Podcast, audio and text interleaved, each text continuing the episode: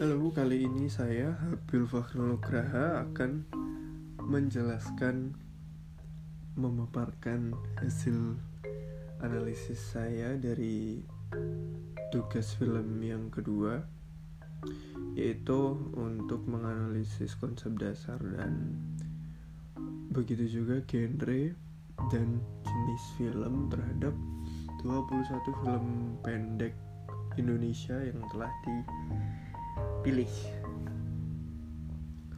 Mohon maaf apabila masih banyak kesalahan mengenai konsep dasar karena saya juga masih belum 100% memahami antara perbedaan salah satu dan uh, lain untuk konsep dasar ada beberapa yang masih uh, sedikit saya bingungkan oleh karena itu mungkin masih ada beberapa kesalahan uh, penggolongan film ini dalam konteks konsep dasarnya dan definisinya. Oke kita langsung mulai dari film pertama yaitu Tilik. Uh, film Tilik ini menurut saya konsep dasar dan definisi yang paling sesuai adalah dari Alex Sobur yaitu potret dari masyarakat di mana film itu dibuat. Selain itu um, hal yang kental di disampaikan oleh film Tilik ini sendiri adalah uh, realitas sosial karena dari berbagai adegan banyak sekali yang menggambarkan hal-hal kedua hal tersebut, kedua konsep dasar dan definisi tersebut dari potret masyarakat itu sendiri tercermin sekali dari awal sampai akhir uh, yang dilakukan oleh ibu-ibu di film Tilik sendiri adalah uh, budaya berasal dari budaya yang sangat kental dan masih sering kali ditemui di daerah uh, Jawa Tengah. Lebih tepatnya di daerah Yogyakarta ya apa di film Tilik itu sendiri. Uh, sangat uh, banyak sekali elemen-elemen yang menunjukkan uh, potret atau cerminan uh, di mana film itu dibuat. Seperti uh, adanya aparat polisi yang ternyata masih dikalahkan oleh ibu-ibu walaupun nggak nggak 100% bakalan terjadi seperti itu di lapangan. Tapi uh, pada akhirnya banyak sekali orang-orang yang uh, merasa oh iya ini uh, di daerahku pun uh, masih terjadi hal-hal seperti ini. Kayak budaya ibu-ibu yang menjenguk menjenguk kerabatnya naik truk terus habis itu uh, pada akhirnya kan Butejo sempat mengajak ibu-ibu uh, lain itu oh ya udah kita pergi ke pasar gede aja ke Beringharjo itu juga salah satu. Cerminan oh iya ibu-ibu. Di sana uh, yang dari daerah biasanya kalau ke kota juga suka untuk belanja gitu. realitas sosial juga di, di digambarkan di sini dari res, lebih ke respon audiens yang telah menonton karena kayak oh ya merasa relatable karena banyak mendapati orang yang karakternya seperti Putejo mungkin di keseharian yang karakternya tuh uh, apa ya inyir seperti yang banyak dibilang orang-orang. Tapi karena sutradara memberikan twist yang pada endingnya itu seakan-akan semua pihak itu berganti posisinya gitu.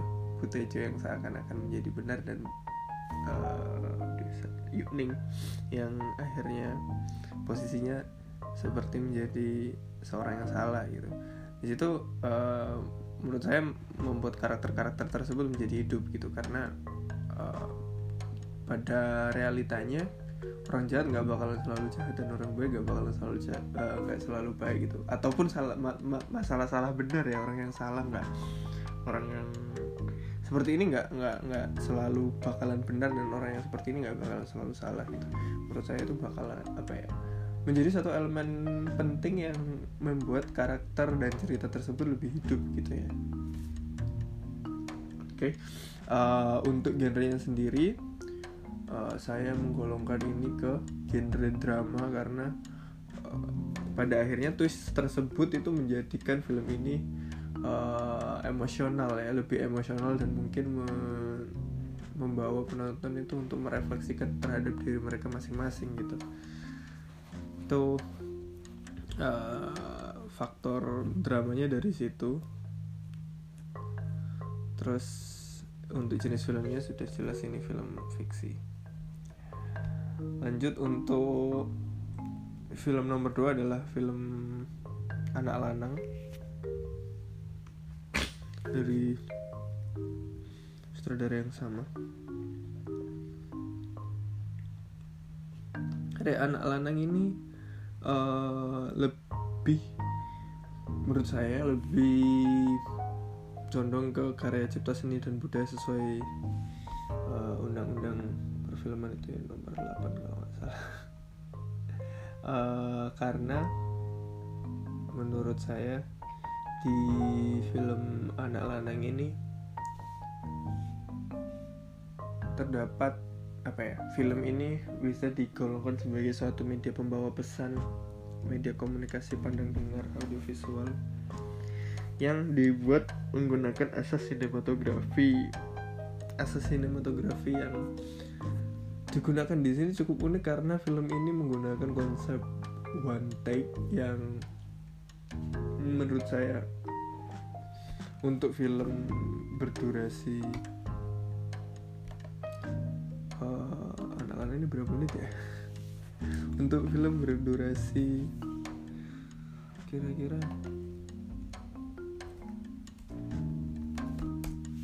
anak lanang ini oh ya 15 menitan 14 menit atau 15 menitan. Itu satu hal yang sangat wow. Um, susah untuk dilakukan pastinya apalagi dengan talent talent uh, yang masih anak-anak yang mungkin juga agak susah untuk apa ya, memperagakan adegan dalam satu kali take gitu ya tanpa ada cut. Jadi pasti kalau ada kesalahan pasti mengulangnya sangat jauh sekali karena uh, ya sistem yang digunakan mantik.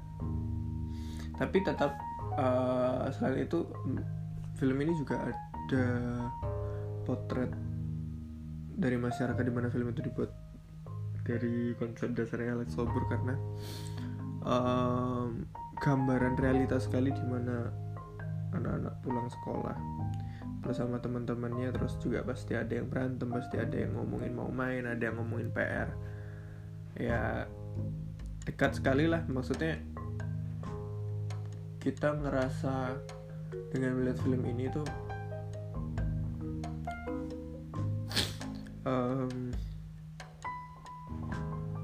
kita bisa mengetahui atau uh, bisa melihat realita yang ada di masyarakat gitu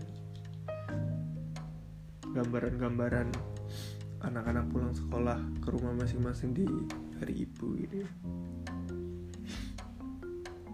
di mana Indonesia juga masih di daerah-daerah daerah-daerah perkampungan kecil masih uh, sering sekali memanfaatkan becak langganan sebagai uh, alat transportasi untuk antar dan jemput mungkin ya terus apabila rumahnya memang sedaerah dan sekitar seperti itu biasanya memang beberapa anak mempunyai satu becak langganan yang sama lalu uh, rutenya di, diurutkan dan diantarkan satu persatu gitu. uh, ya. Selain itu untuk genrenya atau stylenya sendiri saya menggolongkan film anak lanang ini di genre drama karena twist yang ada di belakangnya juga. Dan dari uh, apa ya pesan yang disampaikan dari twist tersebut juga cukup emosional ya. Membuat penonton uh, oh iya ya. Ternyata seperti ini ternyata seperti ini. Ternyata setiap permasalahan. Uh, sumbernya tuh kadang sesuatu yang dekat gitu. Sesuatu yang dekat nggak selalu nggak uh, selalu bakalan terlihat dekat gitu. Mungkin dari twist tersebut saya menggolongkan. Adegan twist tersebut saya menggolongkan film ini menjadi film drama. Untuk jenis fiksi lanjut lagi ke Unbaida uh, Unbaida ini karena waduh ini karena salah satu adegan ya uh, iya karena adegan akhirnya pesan akhir yang pesan utama dan uh, ending dari film ini adalah jangan suka uh, apa ya namanya istilahnya jangan suka mengambil yang bukan hak dari dirimu. Jangan suka mengambil hak orang lain yang bukan hakmu gitu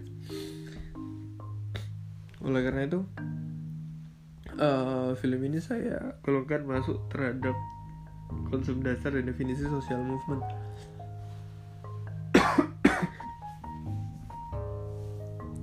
Karena um, sebenarnya kalau boleh saya menggolongkan film ini menjadi social movement karena film ini sendiri adalah salah satu peserta dari anti corruption film festival. Oleh karena itu jelas sekali pesan yang uh, dibawa oleh film Unbada ini adalah uh, pesan sosial yang mengajak kita dan uh, seluruh audiensnya untuk menerapkan hal tersebut. Uh, menjauhi korupsi dan juga nggak uh, cuma korupsi sih hal-hal um, lain hal-hal kecil lain di sekitar kita yang uh, berkaitan dengan korupsi. Ya seperti itu tadi yang ada di filmnya tentang uh, seorang seorang ibu yang suka mengambil uh, nasi berkat yang lebih atau bahkan jatah orang lain diambil gitu. Ya sangat tidak sangat tidak terpuji ya perbuatannya. Lalu uh, selain itu juga ada potret dari masyarakat. Di mana film itu dibuat dari anak sober. Di mana uh, saat adegan ibu-ibu saling membantu di ke, apa rumah yang ketempatan ada tahlilan itu budaya budaya-budaya tersebut di perkampungan uh, masih sangat uh, sangat sering terjadi. Bahkan selalu terjadi menurut saya di perkampungan saya sendiri uh, budaya rewang dan tahlilan masih selalu dilakukan apabila ada acara-acara seperti ini. Apabila uh, ada ada berbagai acara. Kalau konteksnya rewang banyak acara yang me, apa ya, menjadikan uh, acara tersebut sebagai media untuk rewang itu tadi bukan media ya. maksudnya rewang itu nggak cuma ada di tahlilan tapi juga biasanya ada di nikahan atau acara sunatan pesta ulang tahun. Ada beberapa lah acara kalau di daerah rumah saya sendiri. Ada beberapa memang acara yang biasanya ibu-ibu itu banyak yang rewang di situ. Jadi oleh karena itu uh, film ini memang menggambarkan uh, potret uh, realita dari masyarakat. Untuk genrenya sendiri menurut saya ini uh, perpaduan dari horor dan komedi. Karena uh, dari horornya berhasil uh, film ini memberi kesan kayak suspense. Dan berhasil memberikan satu dua jump scare. Tapi karena twist di akhirnya juga dan ada beberapa adegan di awal uh, film ini juga mempunyai style komedi. Karena uh, memang pada twist akhirnya uh, horor kesan horor yang dirasakan oleh uh, Baedah nih adalah buat-buatan dari uh, tetangga-tetangganya itu tadi. Untuk jenis film ini adalah film fiksi. Keempat, Los Yogyakartos. Los Yogyakartos ini adalah salah satu film yang menarik sekali ya. Film Danais dan sutradaranya sama dengan uh, sutradara film Natalan salah satu film yang saya sukai. Um, Los Jakarta sendiri menurut saya nah ini salah satu konsep dasar yang kurang saya pahami adalah sosial praktis dan pernyataan budaya begitupun juga uh, apa ya? Pokoknya antara beberapa hal ini saya cukup agak hmm, bingung gitu ya. Tapi karena ada keterangan storytelling di social practice karena social practice ini adalah a story that comes from human's mind jadi saya anggap social practice ini yang uh, arah filmnya lebih uh, adegan-adegannya mencondongkan kepada apa ya? Storytelling lah. Sebuah cerita atau kisah yang ingin diceritakan oleh sutradaranya gitu. Dan Los Jakarta sangat uh, kental dengan hal tersebut menurut saya karena berbagai adegan di situ uh, apa ya bersifat apa seperti mengkisahkan pada suatu malam di Yogyakarta terjadi sebuah insiden berbagai insiden terjadi berbagai insiden karena sebuah burung gitu. ya saya senang sekali penggambaran dari burung ini karena menurut saya uh, terinspirasi dari apa adegan pembukaan koper di film Pulp Fiction ya uh, tidak perlu menunjukkan apa yang membuat mereka terkagum-kagum tapi ekspresi dari orangnya sendiri sudah dapat menggambarkan dan ada cahaya-cahayanya gitu. ya jadi uh, karena film ini lebih menurut saya lebih condong ke sebuah kisah yang diceritakan dari sutradaranya itu. Dari berbagai adegannya. Itu saya menggolongkan film ini. Konsep dasar dan definisinya dari social practice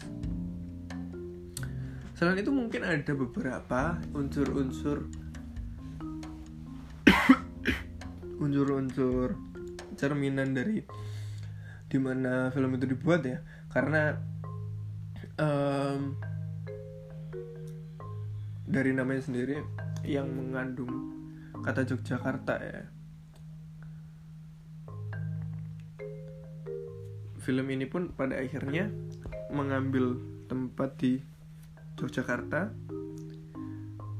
dan uh, kebiasaan-kebiasaannya pasti juga ada sedikit yang uh, memang terjadi di sana. Seperti mungkin menurut saya uh, penjual minuman keras di awal itu di mana orang-orang uh, hilir mudik. Orang-orang bergantian untuk membeli uh, minuman keras di tempat sepi tersebut. Menurut saya hal seperti itu yang mungkin jangan dibicarakan tapi memang terjadi di realitanya di kota Jogja sana. Oke uh, untuk genrenya sendiri karena mengandung unsur-unsur uh, crime dan sedikit bumbu misteri. Ya ada ada penggolongan noir no noir noir noir di sini dan juga uh, beberapa adegan beberapa adegan ada unsur-unsur actionnya juga. Oleh karena itu saya menggolongkan film ini di noir action selain itu karena unsur uh, kebanyakan kayak mungkin 90% atau 90 sekian persen adegan film ini terjadi di malam hari uh, sutradara memainkan pencahayaan uh, set lightingnya dengan bagus ya. Apalagi dengan berbagai warna cerah yang uh, digunakan warna-warna cahaya yang cerah yang digunakan di adegan-adegan malam harinya. Menurut saya uh, bagus sekali di film Project Jakarta sini. Untuk jenisnya sendiri ini film fiksi. Selanjutnya untuk film uh, Indie Boom. Film Indie Boom ini menurut saya uh, balik lagi ke undang-undang perfilman. Undang-undang nomor uh, nah nomor 8 tahun 92 tentang karya cipta seni dan budaya. Uh, film ini mengandung konsep dasar tersebut karena dari adegan-adegannya dan juga uh, ya keseluruhan film sih. Kalau kenapa saya menggolongkan uh, suatu film me menjadi definisi karya cipta seni dan budaya media komunikasi masa yang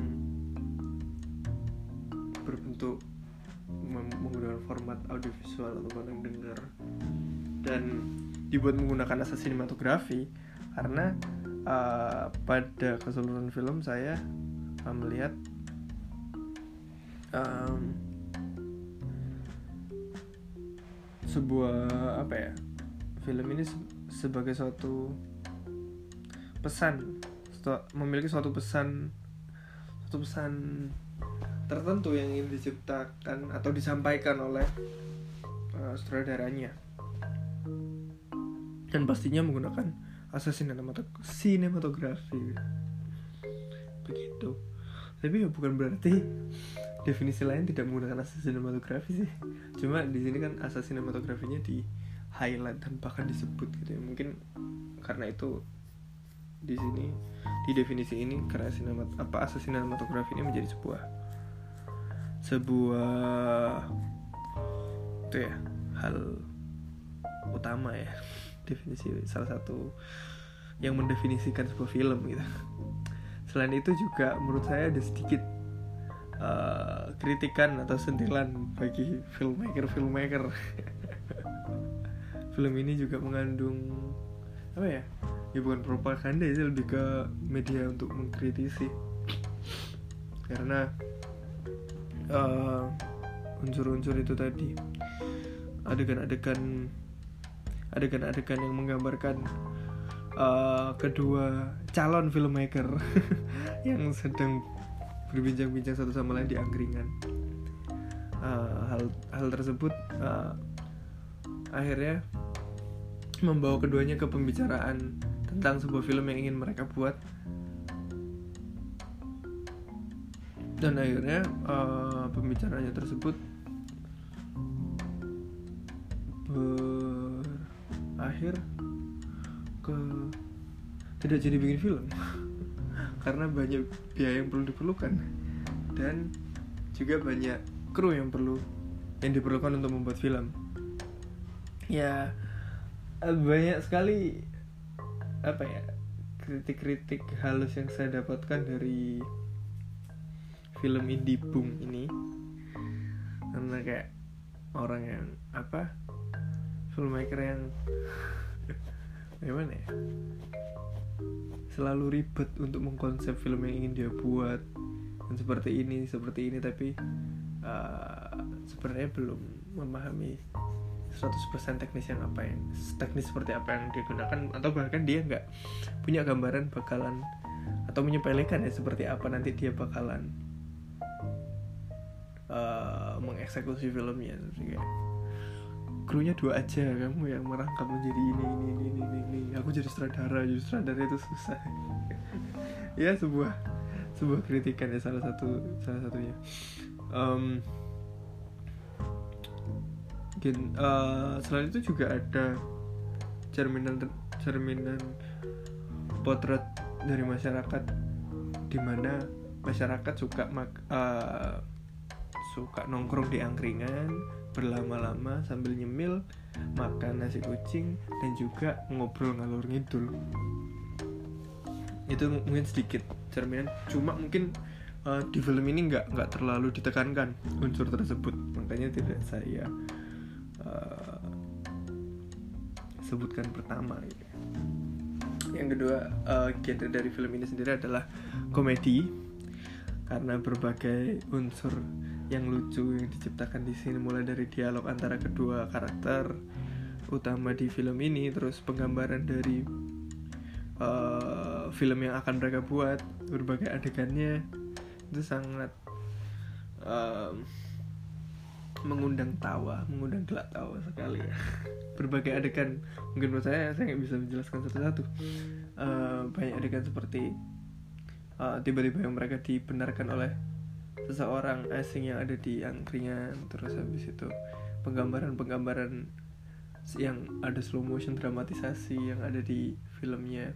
Di mana film itu berinteraksi sama uh, kedua calon filmmaker ini. Yaitu unsur-unsur komedi yang juga akhirnya menggolong, uh, membuat saya menggolongkan film ini menjadi jenis fiksi eksperimental. Eksperimentalnya menurut saya uh, ya mungkin nggak sepenuhnya eksperimental. Tapi menurut saya konsep yang dihadirkan oleh sutradara untuk um, membuat apa yang dibayangkan oleh kedua orang ini menjadi sebuah realita yang dapat kita tonton dan akhirnya berinteraksi satu sama lain itu menjadi salah satu konsep eksperimental yang baru gitu ya. Yang jarang diterapkan di uh, film-film pada umumnya oke yang selanjutnya adalah Almantun salah satu film yang saya sukai juga dari Burekes Banu Teja film ini um, juga menjadi sebuah karya cipta seni dan budaya menurut saya di konsep dasar dan definisinya. Um, juga ada realitas sosial karena mungkin uh, dari responnya juga banyak sekali orang yang menjadikan film ini cerminan pada keluarganya masing-masing. Uh, keluarga yang uh, sudah um, tua anak-anaknya sudah memiliki pekerjaan sudah memiliki keluarga masing-masing. Uh, kecenderungannya adalah orang tuanya akhirnya tinggal sendiri dan uh, jauh berada jauh dari anak-anaknya. Karena anak-anaknya mungkin sudah merantau masing-masing. Ya hal, hal tersebut menurut saya umum sekali terjadi di keluarga di Indonesia. Oleh karena itu pada akhirnya saat film ini dipertontonkan pada audiens banyak sekali yang merasa oh iya ini uh, merasa uh, relate merasa relate terhadap film ini dan itu tadi menjadi uh, realitas sosial dan juga mungkin cerminan dari masyarakat kita sendiri yang uh, juga masih uh, sering menemui hal-hal seperti itu terjadi ya. Untuk dirinya sendiri uh, jelas sekali ini adalah sebuah drama yang cukup mengharukan belum mantun ini uh, menurut saya ya pada adegan akhirnya yang uh, sangat apa ya uh, montase di bagian akhir. Di mana lemari-lemari tersebut akhirnya ditempatkan di uh, tempat anaknya masing-masing akhirnya punya mastri ya yang akhirnya terpakai ya hal tersebut menurut saya membuat emosional sekali. Pada akhirnya uh, ya mungkin menurut saya nggak nggak semua nggak semua tidak semua anak itu bisa menjaga amanah atau bahkan warisan dari orang tua dengan baik ya. Apalagi jika hmm, nilainya itu mungkin secara materi tidak seberapa itu. Jadi akhirnya jatuhnya menyepelekan dan um, bahkan tidak apa ya tidak menggubris dari amanah atau warisan tersebut gitu. Tapi memang ada di saat hal tersebut diberikan pada orang yang tepat ya emang hal akhirnya amanah atau warisan tersebut akhirnya dapat ya dimanfaatkan dengan baik gitu ya menurut saya seperti itu. Untuk film ini sendiri jenisnya adalah film fiksi. Nomor 7 adalah film Natalan dari Siddhartha Tata yang juga salah satu film kesukaan saya. Film ini menurut saya menekankan di uh, potret masyarakat cerminan di mana film itu dibuat. Karena isu utama dari film ini adalah tentang uh, mudik Natal kan ya banyak sekali uh, adegan-adegan atau hal-hal yang dibawa dari cerminan uh, masyarakat di Indonesia. Salah satunya yaitu budaya pulang kampung saat Natal, malam Natal, merayakan malam Natal dengan keluarga. Lalu mungkin masuk ke konflik utamanya yang uh, secara secara tersirat tidak gamblang di ya pesan utamanya memang tapi mungkin nggak uh, serta merta langsung ditampilkan di adegan. Tapi dari uh, konflik utama di mana saat kita berkeluarga uh, kita menikahi tidak hanya pasangan kita tapi juga keluarganya. Oleh karena itu kita uh, saat ada acara-acara besar seperti ini seperti Natalan atau Lebaran akhirnya tiap-tiap uh, keluarga kita baik dari pihak suami maupun dari pihak istri pasti uh, ingin merayakan hari H Lebaran atau hari H Natalan itu bersama-sama bersama keluarga secara utuh gitu. Begitupun juga kita sebagai anak-anaknya ya. Juga ingin merayakan bersama keluarga kita. Momen-momen hari-hari besar. Hari-hari besar seperti itu ingin ingin sekali dirayakan dengan keluarga besar. Tapi ya, itu tadi saat uh, kedua keluarga itu terpisah. Akhirnya mau nggak mau kita harus memilih. Uh, mau nggak mau kita harus memilih dan um, ya akhirnya merelakan untuk ya untuk sekarang kita merayakan bersama keluarga suami atau istri dulu gitu. Suatu suatu hal kecil yang menurut saya memang cukup bagus untuk di highlight seperti ini karena hal-hal seperti itu yang menurut saya orang-orang nggak sadar terjadi di ya kehidupan masing-masing ya kehidupan sehari-hari. Di mana kita uh, ya saat menikah ya kita harus berani menentukan pilihan. Pilihan-pilihan seperti ini gitu. Walaupun berat bagi kita tapi ya akhirnya kita harus memberi pengertian kepada keluarga. Ya salah satu film yang membuat saya mempertanyakan kesiapan diri saya sendiri untuk menikah ya. Selain itu uh, film ini juga mengandung karya cipta seni dan budaya karena mengisahkan menurut saya sang sutradara ini mengisahkan tentang kedua pasangan suami istri ini sih.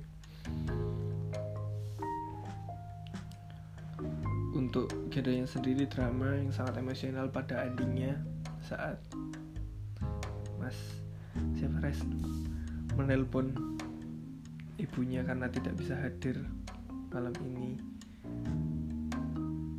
Dan harus terpaksa besok atau lusanya baru datang. Padahal ibunya sudah menanti memberi memasakkan masakan lengkap. Sudah bersiap-siap untuk ke gereja bersama-sama. Tapi aneh juga anaknya tidak bisa untuk hadir.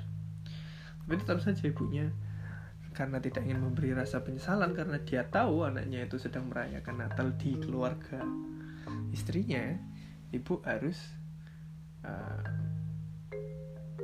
uh, tidak boleh menunjukkan rasa sedih dan juga uh, kekecewaannya ya mungkin ya. Saya jelas sekali ya pasti ada rasa kekecewaan ya dari seorang ibu yang sudah mengharapkan anaknya untuk pulang di hari itu.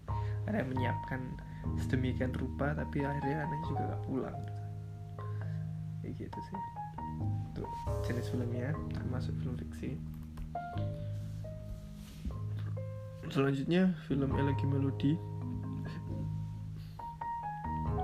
dari uh, film ini hmm, termasuk karya cipta seni dan budaya yang menurut saya mengisahkan tentang seorang ibu yang memiliki harapan terakhir untuk rekaman lagu dan video klip gitu ya. Untuk pesan terakhirnya sebelum ya hari-harinya hari-hari terakhirnya. Karena penyakit yang dideritanya juga. Ya pada gambaran besar itu tadi. Makanya saya menggolongkan ini uh, pada karya cipta seni dan budaya untuk genrenya sendiri menurut saya drama dan ada sedikit unsur komedinya juga ya. Dramanya sendiri ya dari emosion apa adegan-adegan emosional yang terjadi di situ saat ibunya membicarakan tentang anaknya tentang kakaknya. Kakaknya si aduh saya lupa nama karakternya. Kakaknya yang sudah uh, jarang menemui ibunya ya mungkin. Sudah menikah sudah punya kehidupan sendiri tentang uh, uh, tentang boneka kecil apa ya boneka ya. tentang uh, apa ya, jimat bentuk shio dari anaknya masing-masing masih disimpan oleh ibunya. Ya hal-hal yang membuat kita emosional. Begitupun juga endingnya komedinya sendiri menurut saya dari unsur-unsur uh, seperti teman sutradara dari anaknya ini yang uh, ya di adegan-adegan seperti saat di restoran sedang berbicara dengan ibunya terus dia melakukan beberapa beberapa hal beberapa adegan yang menurut saya lucu ya. Lalu juga dari penggambaran video klipnya sendiri yang uh, akhirnya menjadi suatu video klip yang lucu gitu menurut saya. Dan pada pada pemutarannya saat di um, uh, prosesi prosesi sebelum pemakaman di rumah duka saat pemutaran video klip tersebut juga orang-orang akhirnya pada tertawa melihat video klip dari ibunya sendiri kecuali dua anaknya yang akhirnya merasa uh, emosional satu sama lainnya. Uh, jenis filmnya? Adalah film fiksi. Nomor 9 adalah film Garwo. Film ini menurut saya sosial praktis karena cenderung uh, menjadi sebuah cerita storytelling seperti sebuah kisah yang didongengkan oleh sutradara namin namin namun dengan media audiovisual. Menurut saya saya agak sebel ya dengan film ini karena di YouTube judulnya adalah Day 40 dalam bahasa Inggris. Karena judul tersebut akhirnya saya mengetahui dari awal plot yang akan terjadi nah itu menurut saya mengurangi twist pada akhirnya yang harusnya saya dapatkan gitu jadi faktor judul sangat berpengaruh sekali pada film. Mungkin saat khalayak internasional menyaksikan atau membaca judul tersebut tidak seberapa berpengaruh ya. Tapi kalau orang Indonesia yang memahami budaya di sini sendiri pasti pasti uh, sudah mengetahui arah film ini akan ke mana gitu dengan melihat hari ke-40 gitu tadi. Lalu uh, selain itu juga menurut saya ada potret dan realitas sosial, potret cerminan uh, dari masyarakat dan juga realitas sosial di sini karena uh, pekerjaan domestik kenapa kok si bapak tidak menguasai pekerjaan domestik sama sekali karena uh, di Indonesia uh, memiliki budaya apa ya ya bisa dibilang patriarki yang cukup kental ya. Akhirnya pekerjaan domestik itu lebih dominan dilaksanakan oleh ibu atau istri dibandingkan suami. Yang akhirnya menjadikan bapak itu uh, tidak terbiasa untuk melakukan pekerjaan rumah. Seperti itu. Ya hal-hal hal-hal seperti itu yang menggolongkan saya uh, film ini menjadi uh, realitas sosial dan juga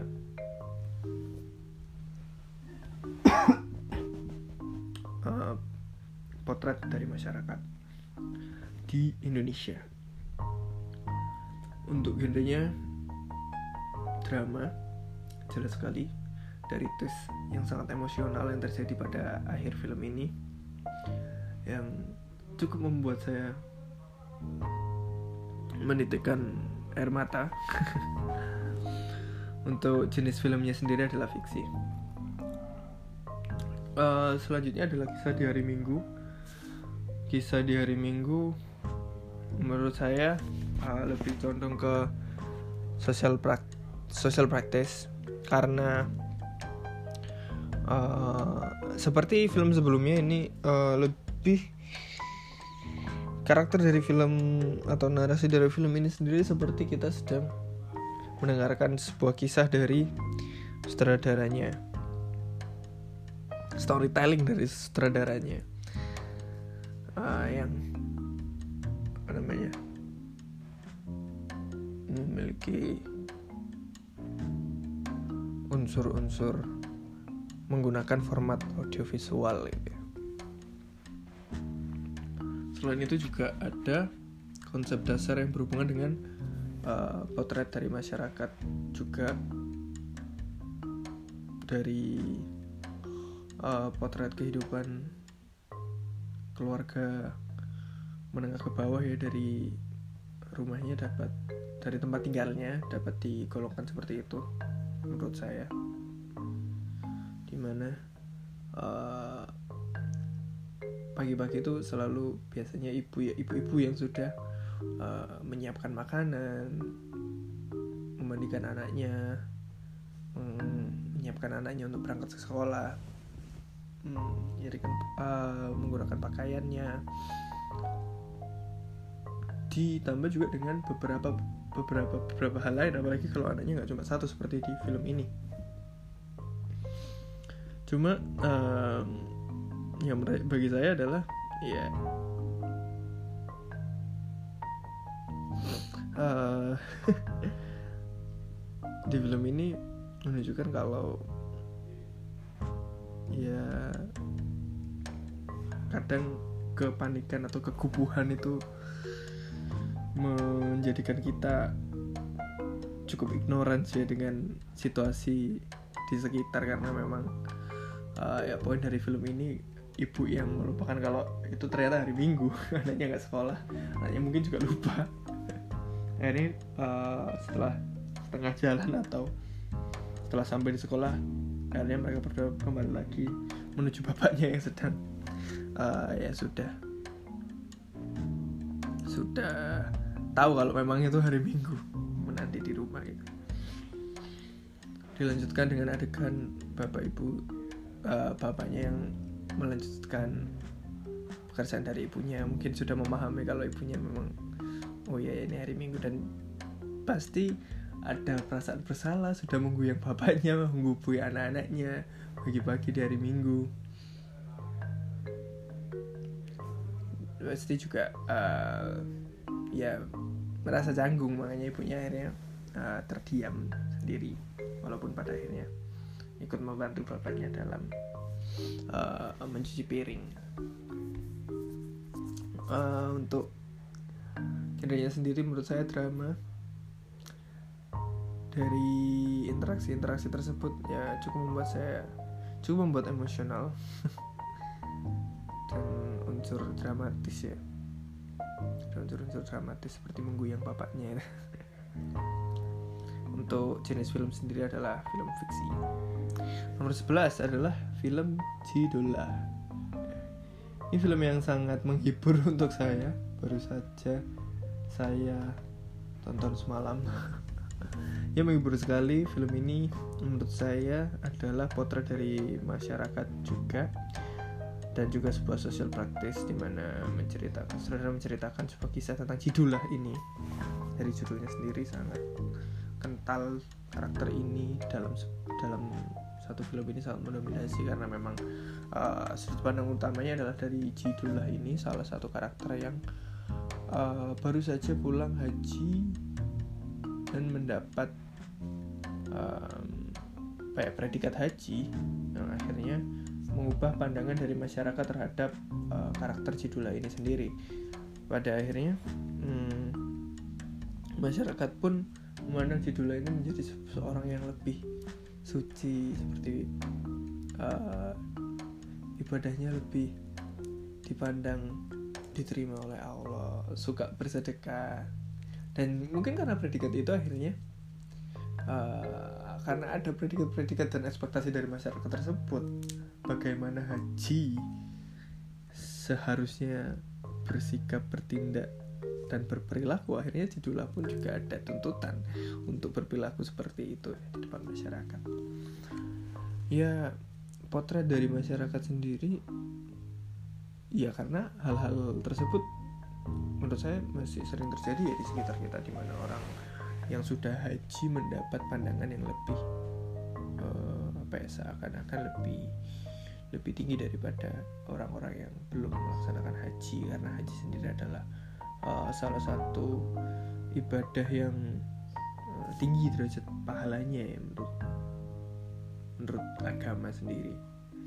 Jadi orang-orang seperti yang diadegankan di situ orang-orang pasti memandang uh, haji ini berbeda lah dengan orang-orang lain. Lalu juga uh, potret dari obsesi terhadap jabatan terhadap kepala desa. Mungkin karena sebuah materi diiming-imingi. Tanah 20 hektar hal-hal seperti itu yang menurut saya.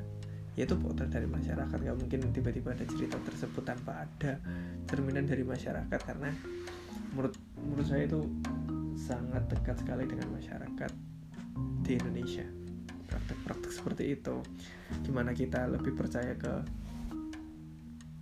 uh, beberapa orang? Ya ya mungkin mayoritas orang masih percaya dengan praktek-praktek guru spiritual untuk uh, memenangkan sebuah Eh, pemilihan uh, seperti pemilihan kepala desa yang akan dijalani oleh Cidula ini. Akhirnya oh kita ke tempat Mas Margono orang yang uh, bisa memenangkan kepala desa sebelumnya gitu. Padahal saat di saat diminta keterangan ya uh, nasihat-nasihat yang diberikan adalah nasihat-nasihat teknis ya menurut saya. Bukan sesuatu yang sifatnya spiritual atau seperti apa itu uh, selanjutnya jelas sekali film ini hmm, mengambil genre komedi dari berbagai adegan-adegan. Adegan-adegan mungkin dari awal hingga akhir adegan-adegan komedi banyak sekali digambarkan di film ini. Mulai dari pembicaraannya dengan Yoyon uh, saat uh, Jedullah berada di masjid saat berusaha bersedekah di depan orang-orang dan juga saat ke rumah Mas Margono. Sangat uh, banyak sekali adegan-adegan komedi yang muncul di film ini jenis filmnya sendiri adalah film fiksi. Selanjutnya adalah film Trunyan Beyond the Lake uh, film ini menurut saya juga potret dari masyarakat dan juga pernyataan budaya ya. Di mana uh, kental sekali budaya Bali digambarkan di film ini apalagi dari desa wisata ya salah satu desa tempat wisata ya tempat yang sekarang menjadi tempat wisata juga ya di desa Trunyan ini di mana budayanya yang biasa dilakukan di Bali saat ada orang meninggal adalah di ngaben di Trunyan ini uh, beda praktik pemakamannya. Ya budaya itu yang digambarkan kental di film ini.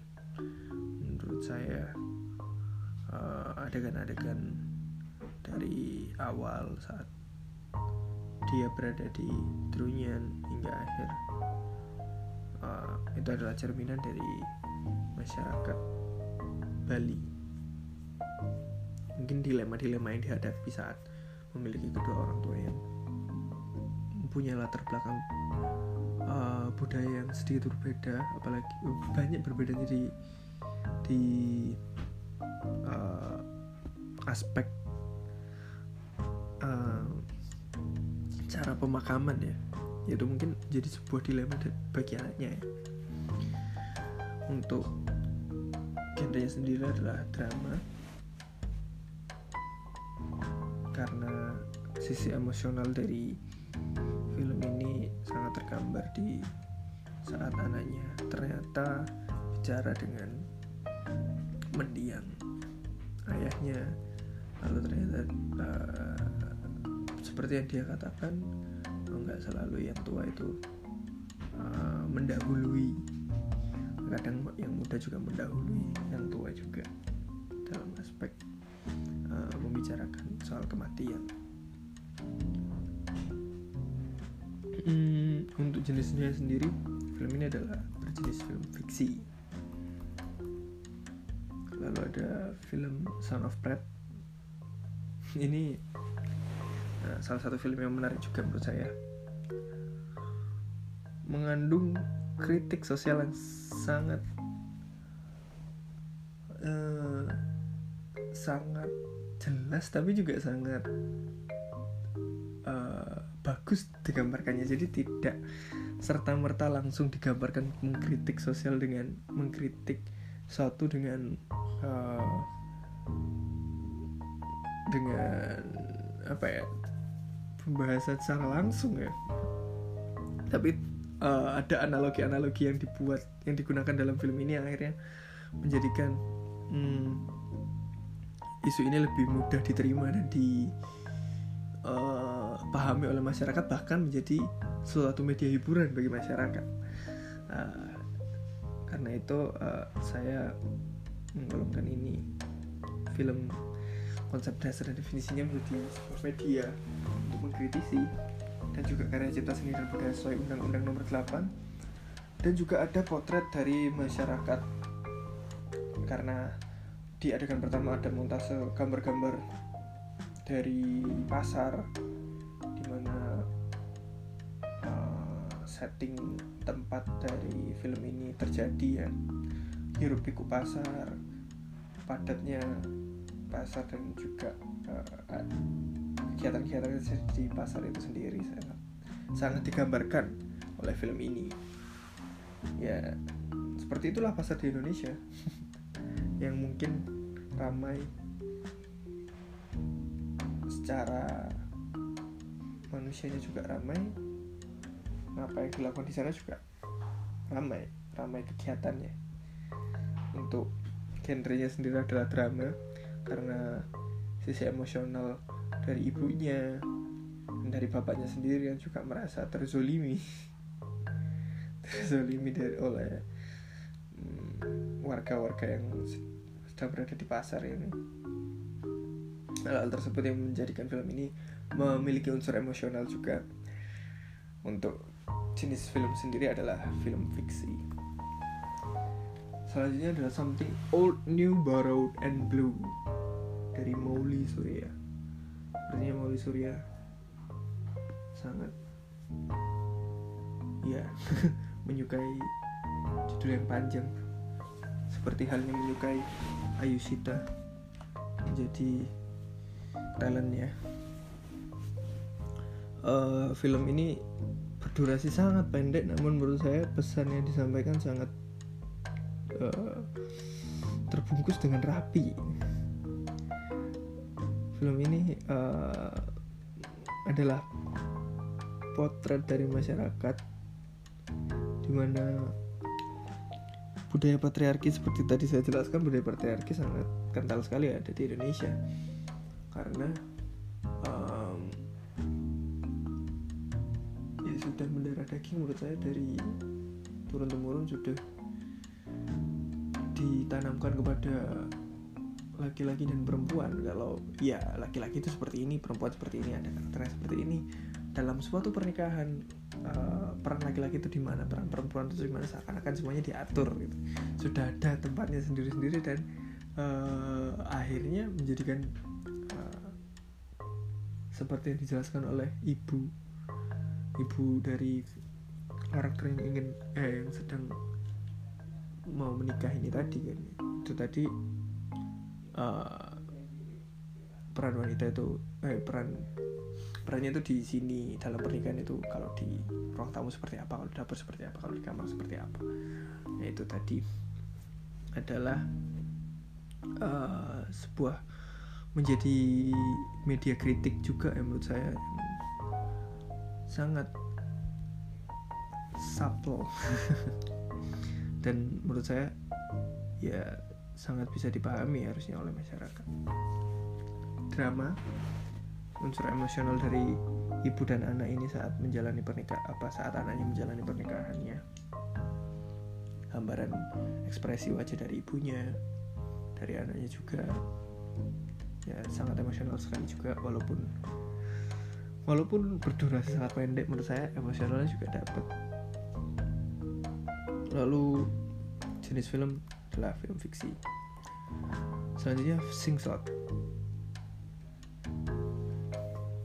Sing Shot uh, menurut saya adalah pesan media pembawa pesan ya.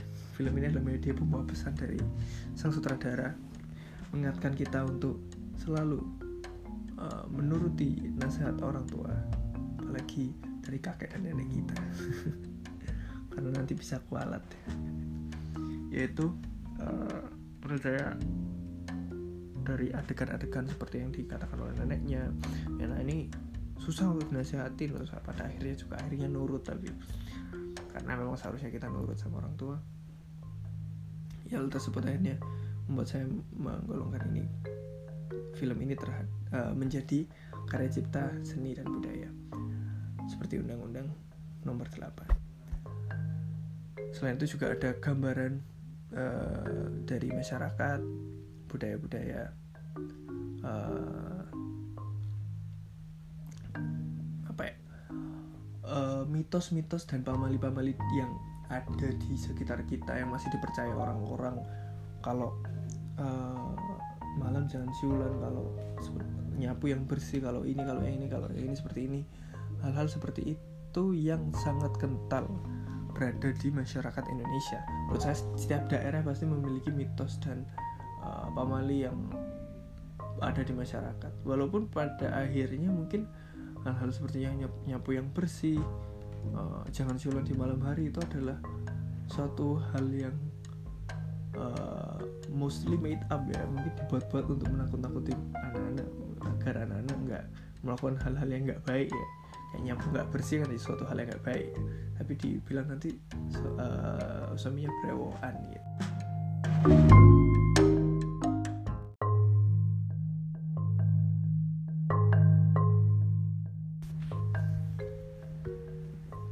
Karena durasi sudah melebihi satu jam akhirnya uh, episode pertama berakhir dan berganti ke episode kedua yang, yang saya rekam saat ini. Mohon maaf apabila ternyata saya bicara terlalu banyak sehingga uh, memakan waktu yang sangat banyak. Mungkin saya persingkat di episode kali ini. Lanjut dari film Singsot uh, film tersebut seperti yang saya jelaskan uh, adalah potret dari masyarakat dari budaya mitos yang masih kental berada di masyarakat di sekitar kita uh, itu juga salah satu uh, adegan yang menggambarkan kalau film itu adalah potret dari masyarakat di mana film itu dibuat uh, untuk genrenya sendiri adalah horor dari uh, berbagai jump scare yang telah ditampilkan oleh filmmaker dan juga uh, kesan suspense di uh, pertengahan hingga akhir film. Filmnya sendiri ada memasuki jenis film fiksi. Selanjutnya adalah film rock and roll. Uh, menurut saya adalah film ini mirip sekali dengan film Balik Jakarta karena sangat menggambarkan potret kehidupan di Jakarta hiruk pikuk macet dan juga um, uh, ramainya Jakarta sesaknya Jakarta itu seperti apa bagi orang yang tinggal di situ dan juga orang yang sudah lama tidak ke Jakarta adalah ya Jakarta itu suatu hal yang sama mungkin bagi mereka ya, suatu hal yang ramai dan kota yang kota metropolitan yang sangat padat gitu ya oleh karena itu adalah uh, dari berbagai adegan di situ menggambarkan potret dari masyarakat di mana film itu dibuat.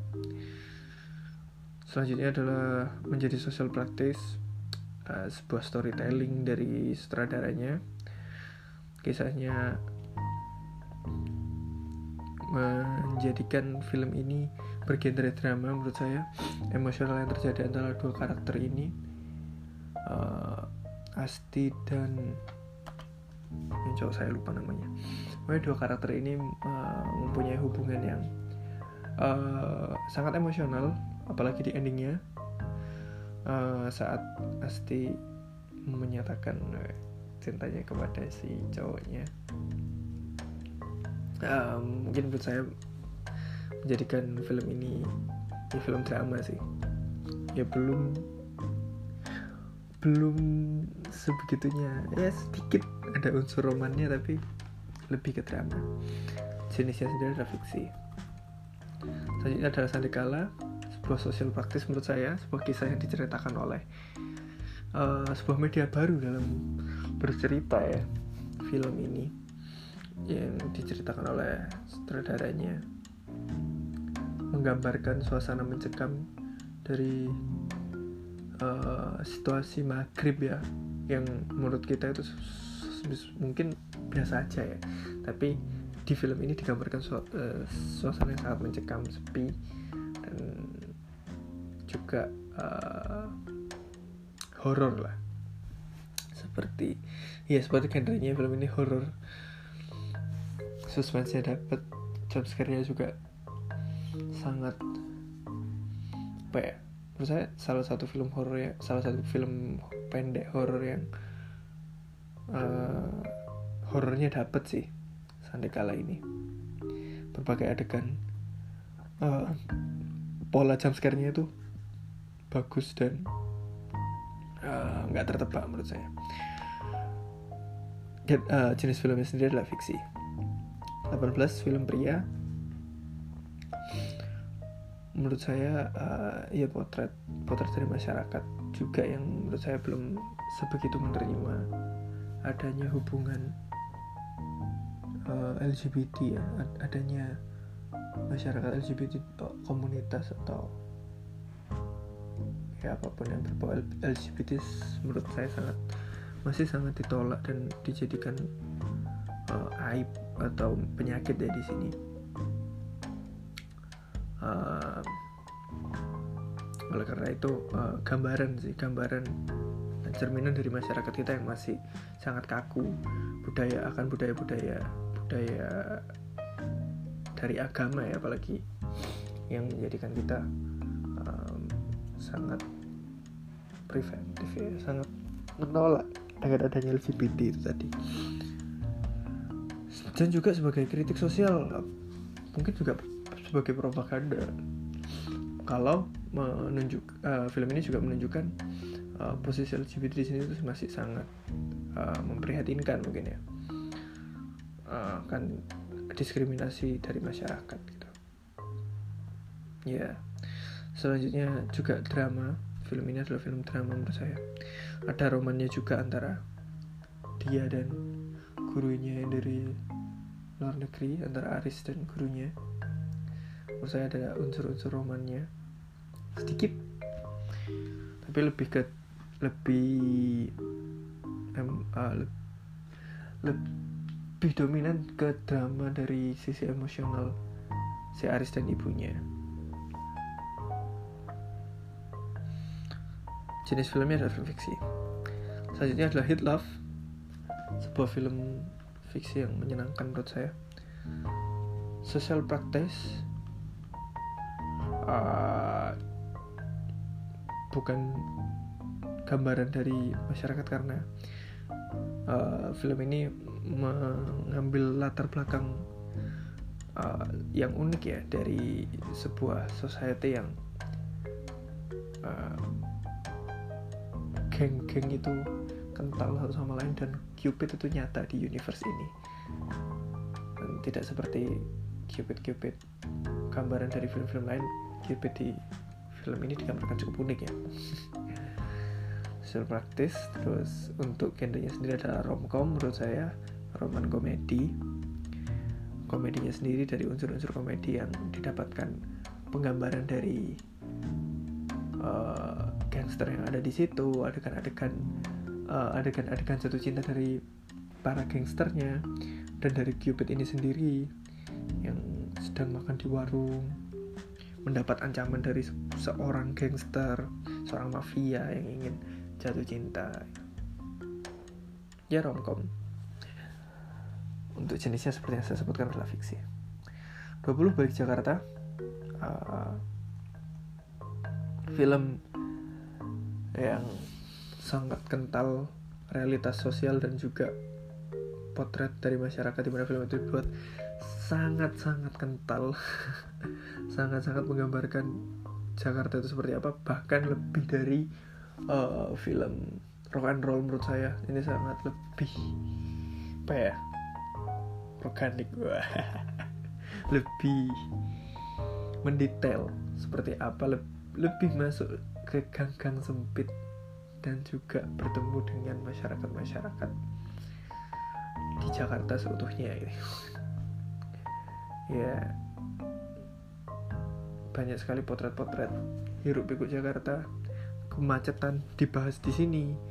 Uh, isu mengenai pendidikan perantau yang banyak di Jakarta juga ditunjukkan di sini juga baik yang dari kota kota-kota di Jawa maupun di luar Jawa ya. Lalu juga uh, mungkin kedekatan secara tidak langsung ya dari orang-orang orang-orang di Jakarta. Seperti saat uh, ada bapak bapak-bapak yang tidak dikenal tiba-tiba membantu karena dia berhenti motornya mogok di depan rumah gitu. Ya sangat uh, hal yang sangat mungkin terjadi di Jakarta ya menurut saya. Walaupun nggak selalu tapi ya karena memang Indonesia ini orangnya ramah-ramah ya walaupun keras tapi ramah-ramah. Jadi uh, itu banyak sekali potret dari realitas sosial yang ada di Jakarta. Untuk genrenya sendiri adalah drama uh, ringan sekali walaupun um, pada akhirnya walaupun pada akhirnya objektif mereka tidak terpenuhi ya untuk mencari sebuah tempat ini. Ya ini mungkin salah satu hal yang salah satu hal yang mirip dengan dengan film rock and roll ya menurut saya. Objektif terakhir itu sepertinya sudah menjadi tidak penting lagi bagi mereka kayak ya udah nggak penting kenapa sih ini menjadi petani udah nggak penting kenapa sih ini eh, berbagai pertanyaan-pertanyaannya ini akhirnya ya tidak penting terjawab ya akhirnya yang penting adalah hubungan dari kedua karakter utama yang ada di film ini. Seperti itu menurut saya balik Jakarta ya. Pada, pada akhirnya uh, ya mencari rumah itu mungkin melelahkan dan enggak ya seperti realitasnya ya kadang kita nggak menemukan sesuatu yang kita cari semudah itu. Apalagi di Jakarta mencari rumah hanya dengan clue sebuah foto mungkin susah sekali dan bahkan hampir tidak mungkin ya. Tapi akhirnya yes, kita sampingkan hal-hal itu kita masuk di uh, ya enjoy the moment aja sih pada endingnya menurut saya. Masuk di momen kehangatan kedekatan dari orang-orang Jakarta itu sendiri untuk genrenya fiksi. Yang terakhir adalah One An. Sebuah sosial praktis menurut saya sebuah kisah yang diceritakan oleh sutradara storytelling dari sutradara yang di Lawrence ya. Uh, untuk uh, genrenya sendiri adalah drama roman. Tergambar dari uh, emosional yang terjadi antara kedua karakter Ci dan Ing ya romansa di uh, usia pernikahan yang sudah lanjut lah ya. Hal-hal yang dilakukan mungkin sebatas itu saja setiap harinya. Tapi mungkin bagi mereka itu ya rutinitas yang ya normal dan juga ya mungkin menyenangkan untuk mereka untuk genrenya eh, untuk jenis filmnya sendiri adalah fiksi. Oke sekian dari saya. Mohon maaf apabila uh, saya pun tidak menyangka akan selama itu. Mohon maaf karena waktu yang sangat uh, terbuang untuk mengoreksi tugas saya. Terima kasih telah mendengarkan thank you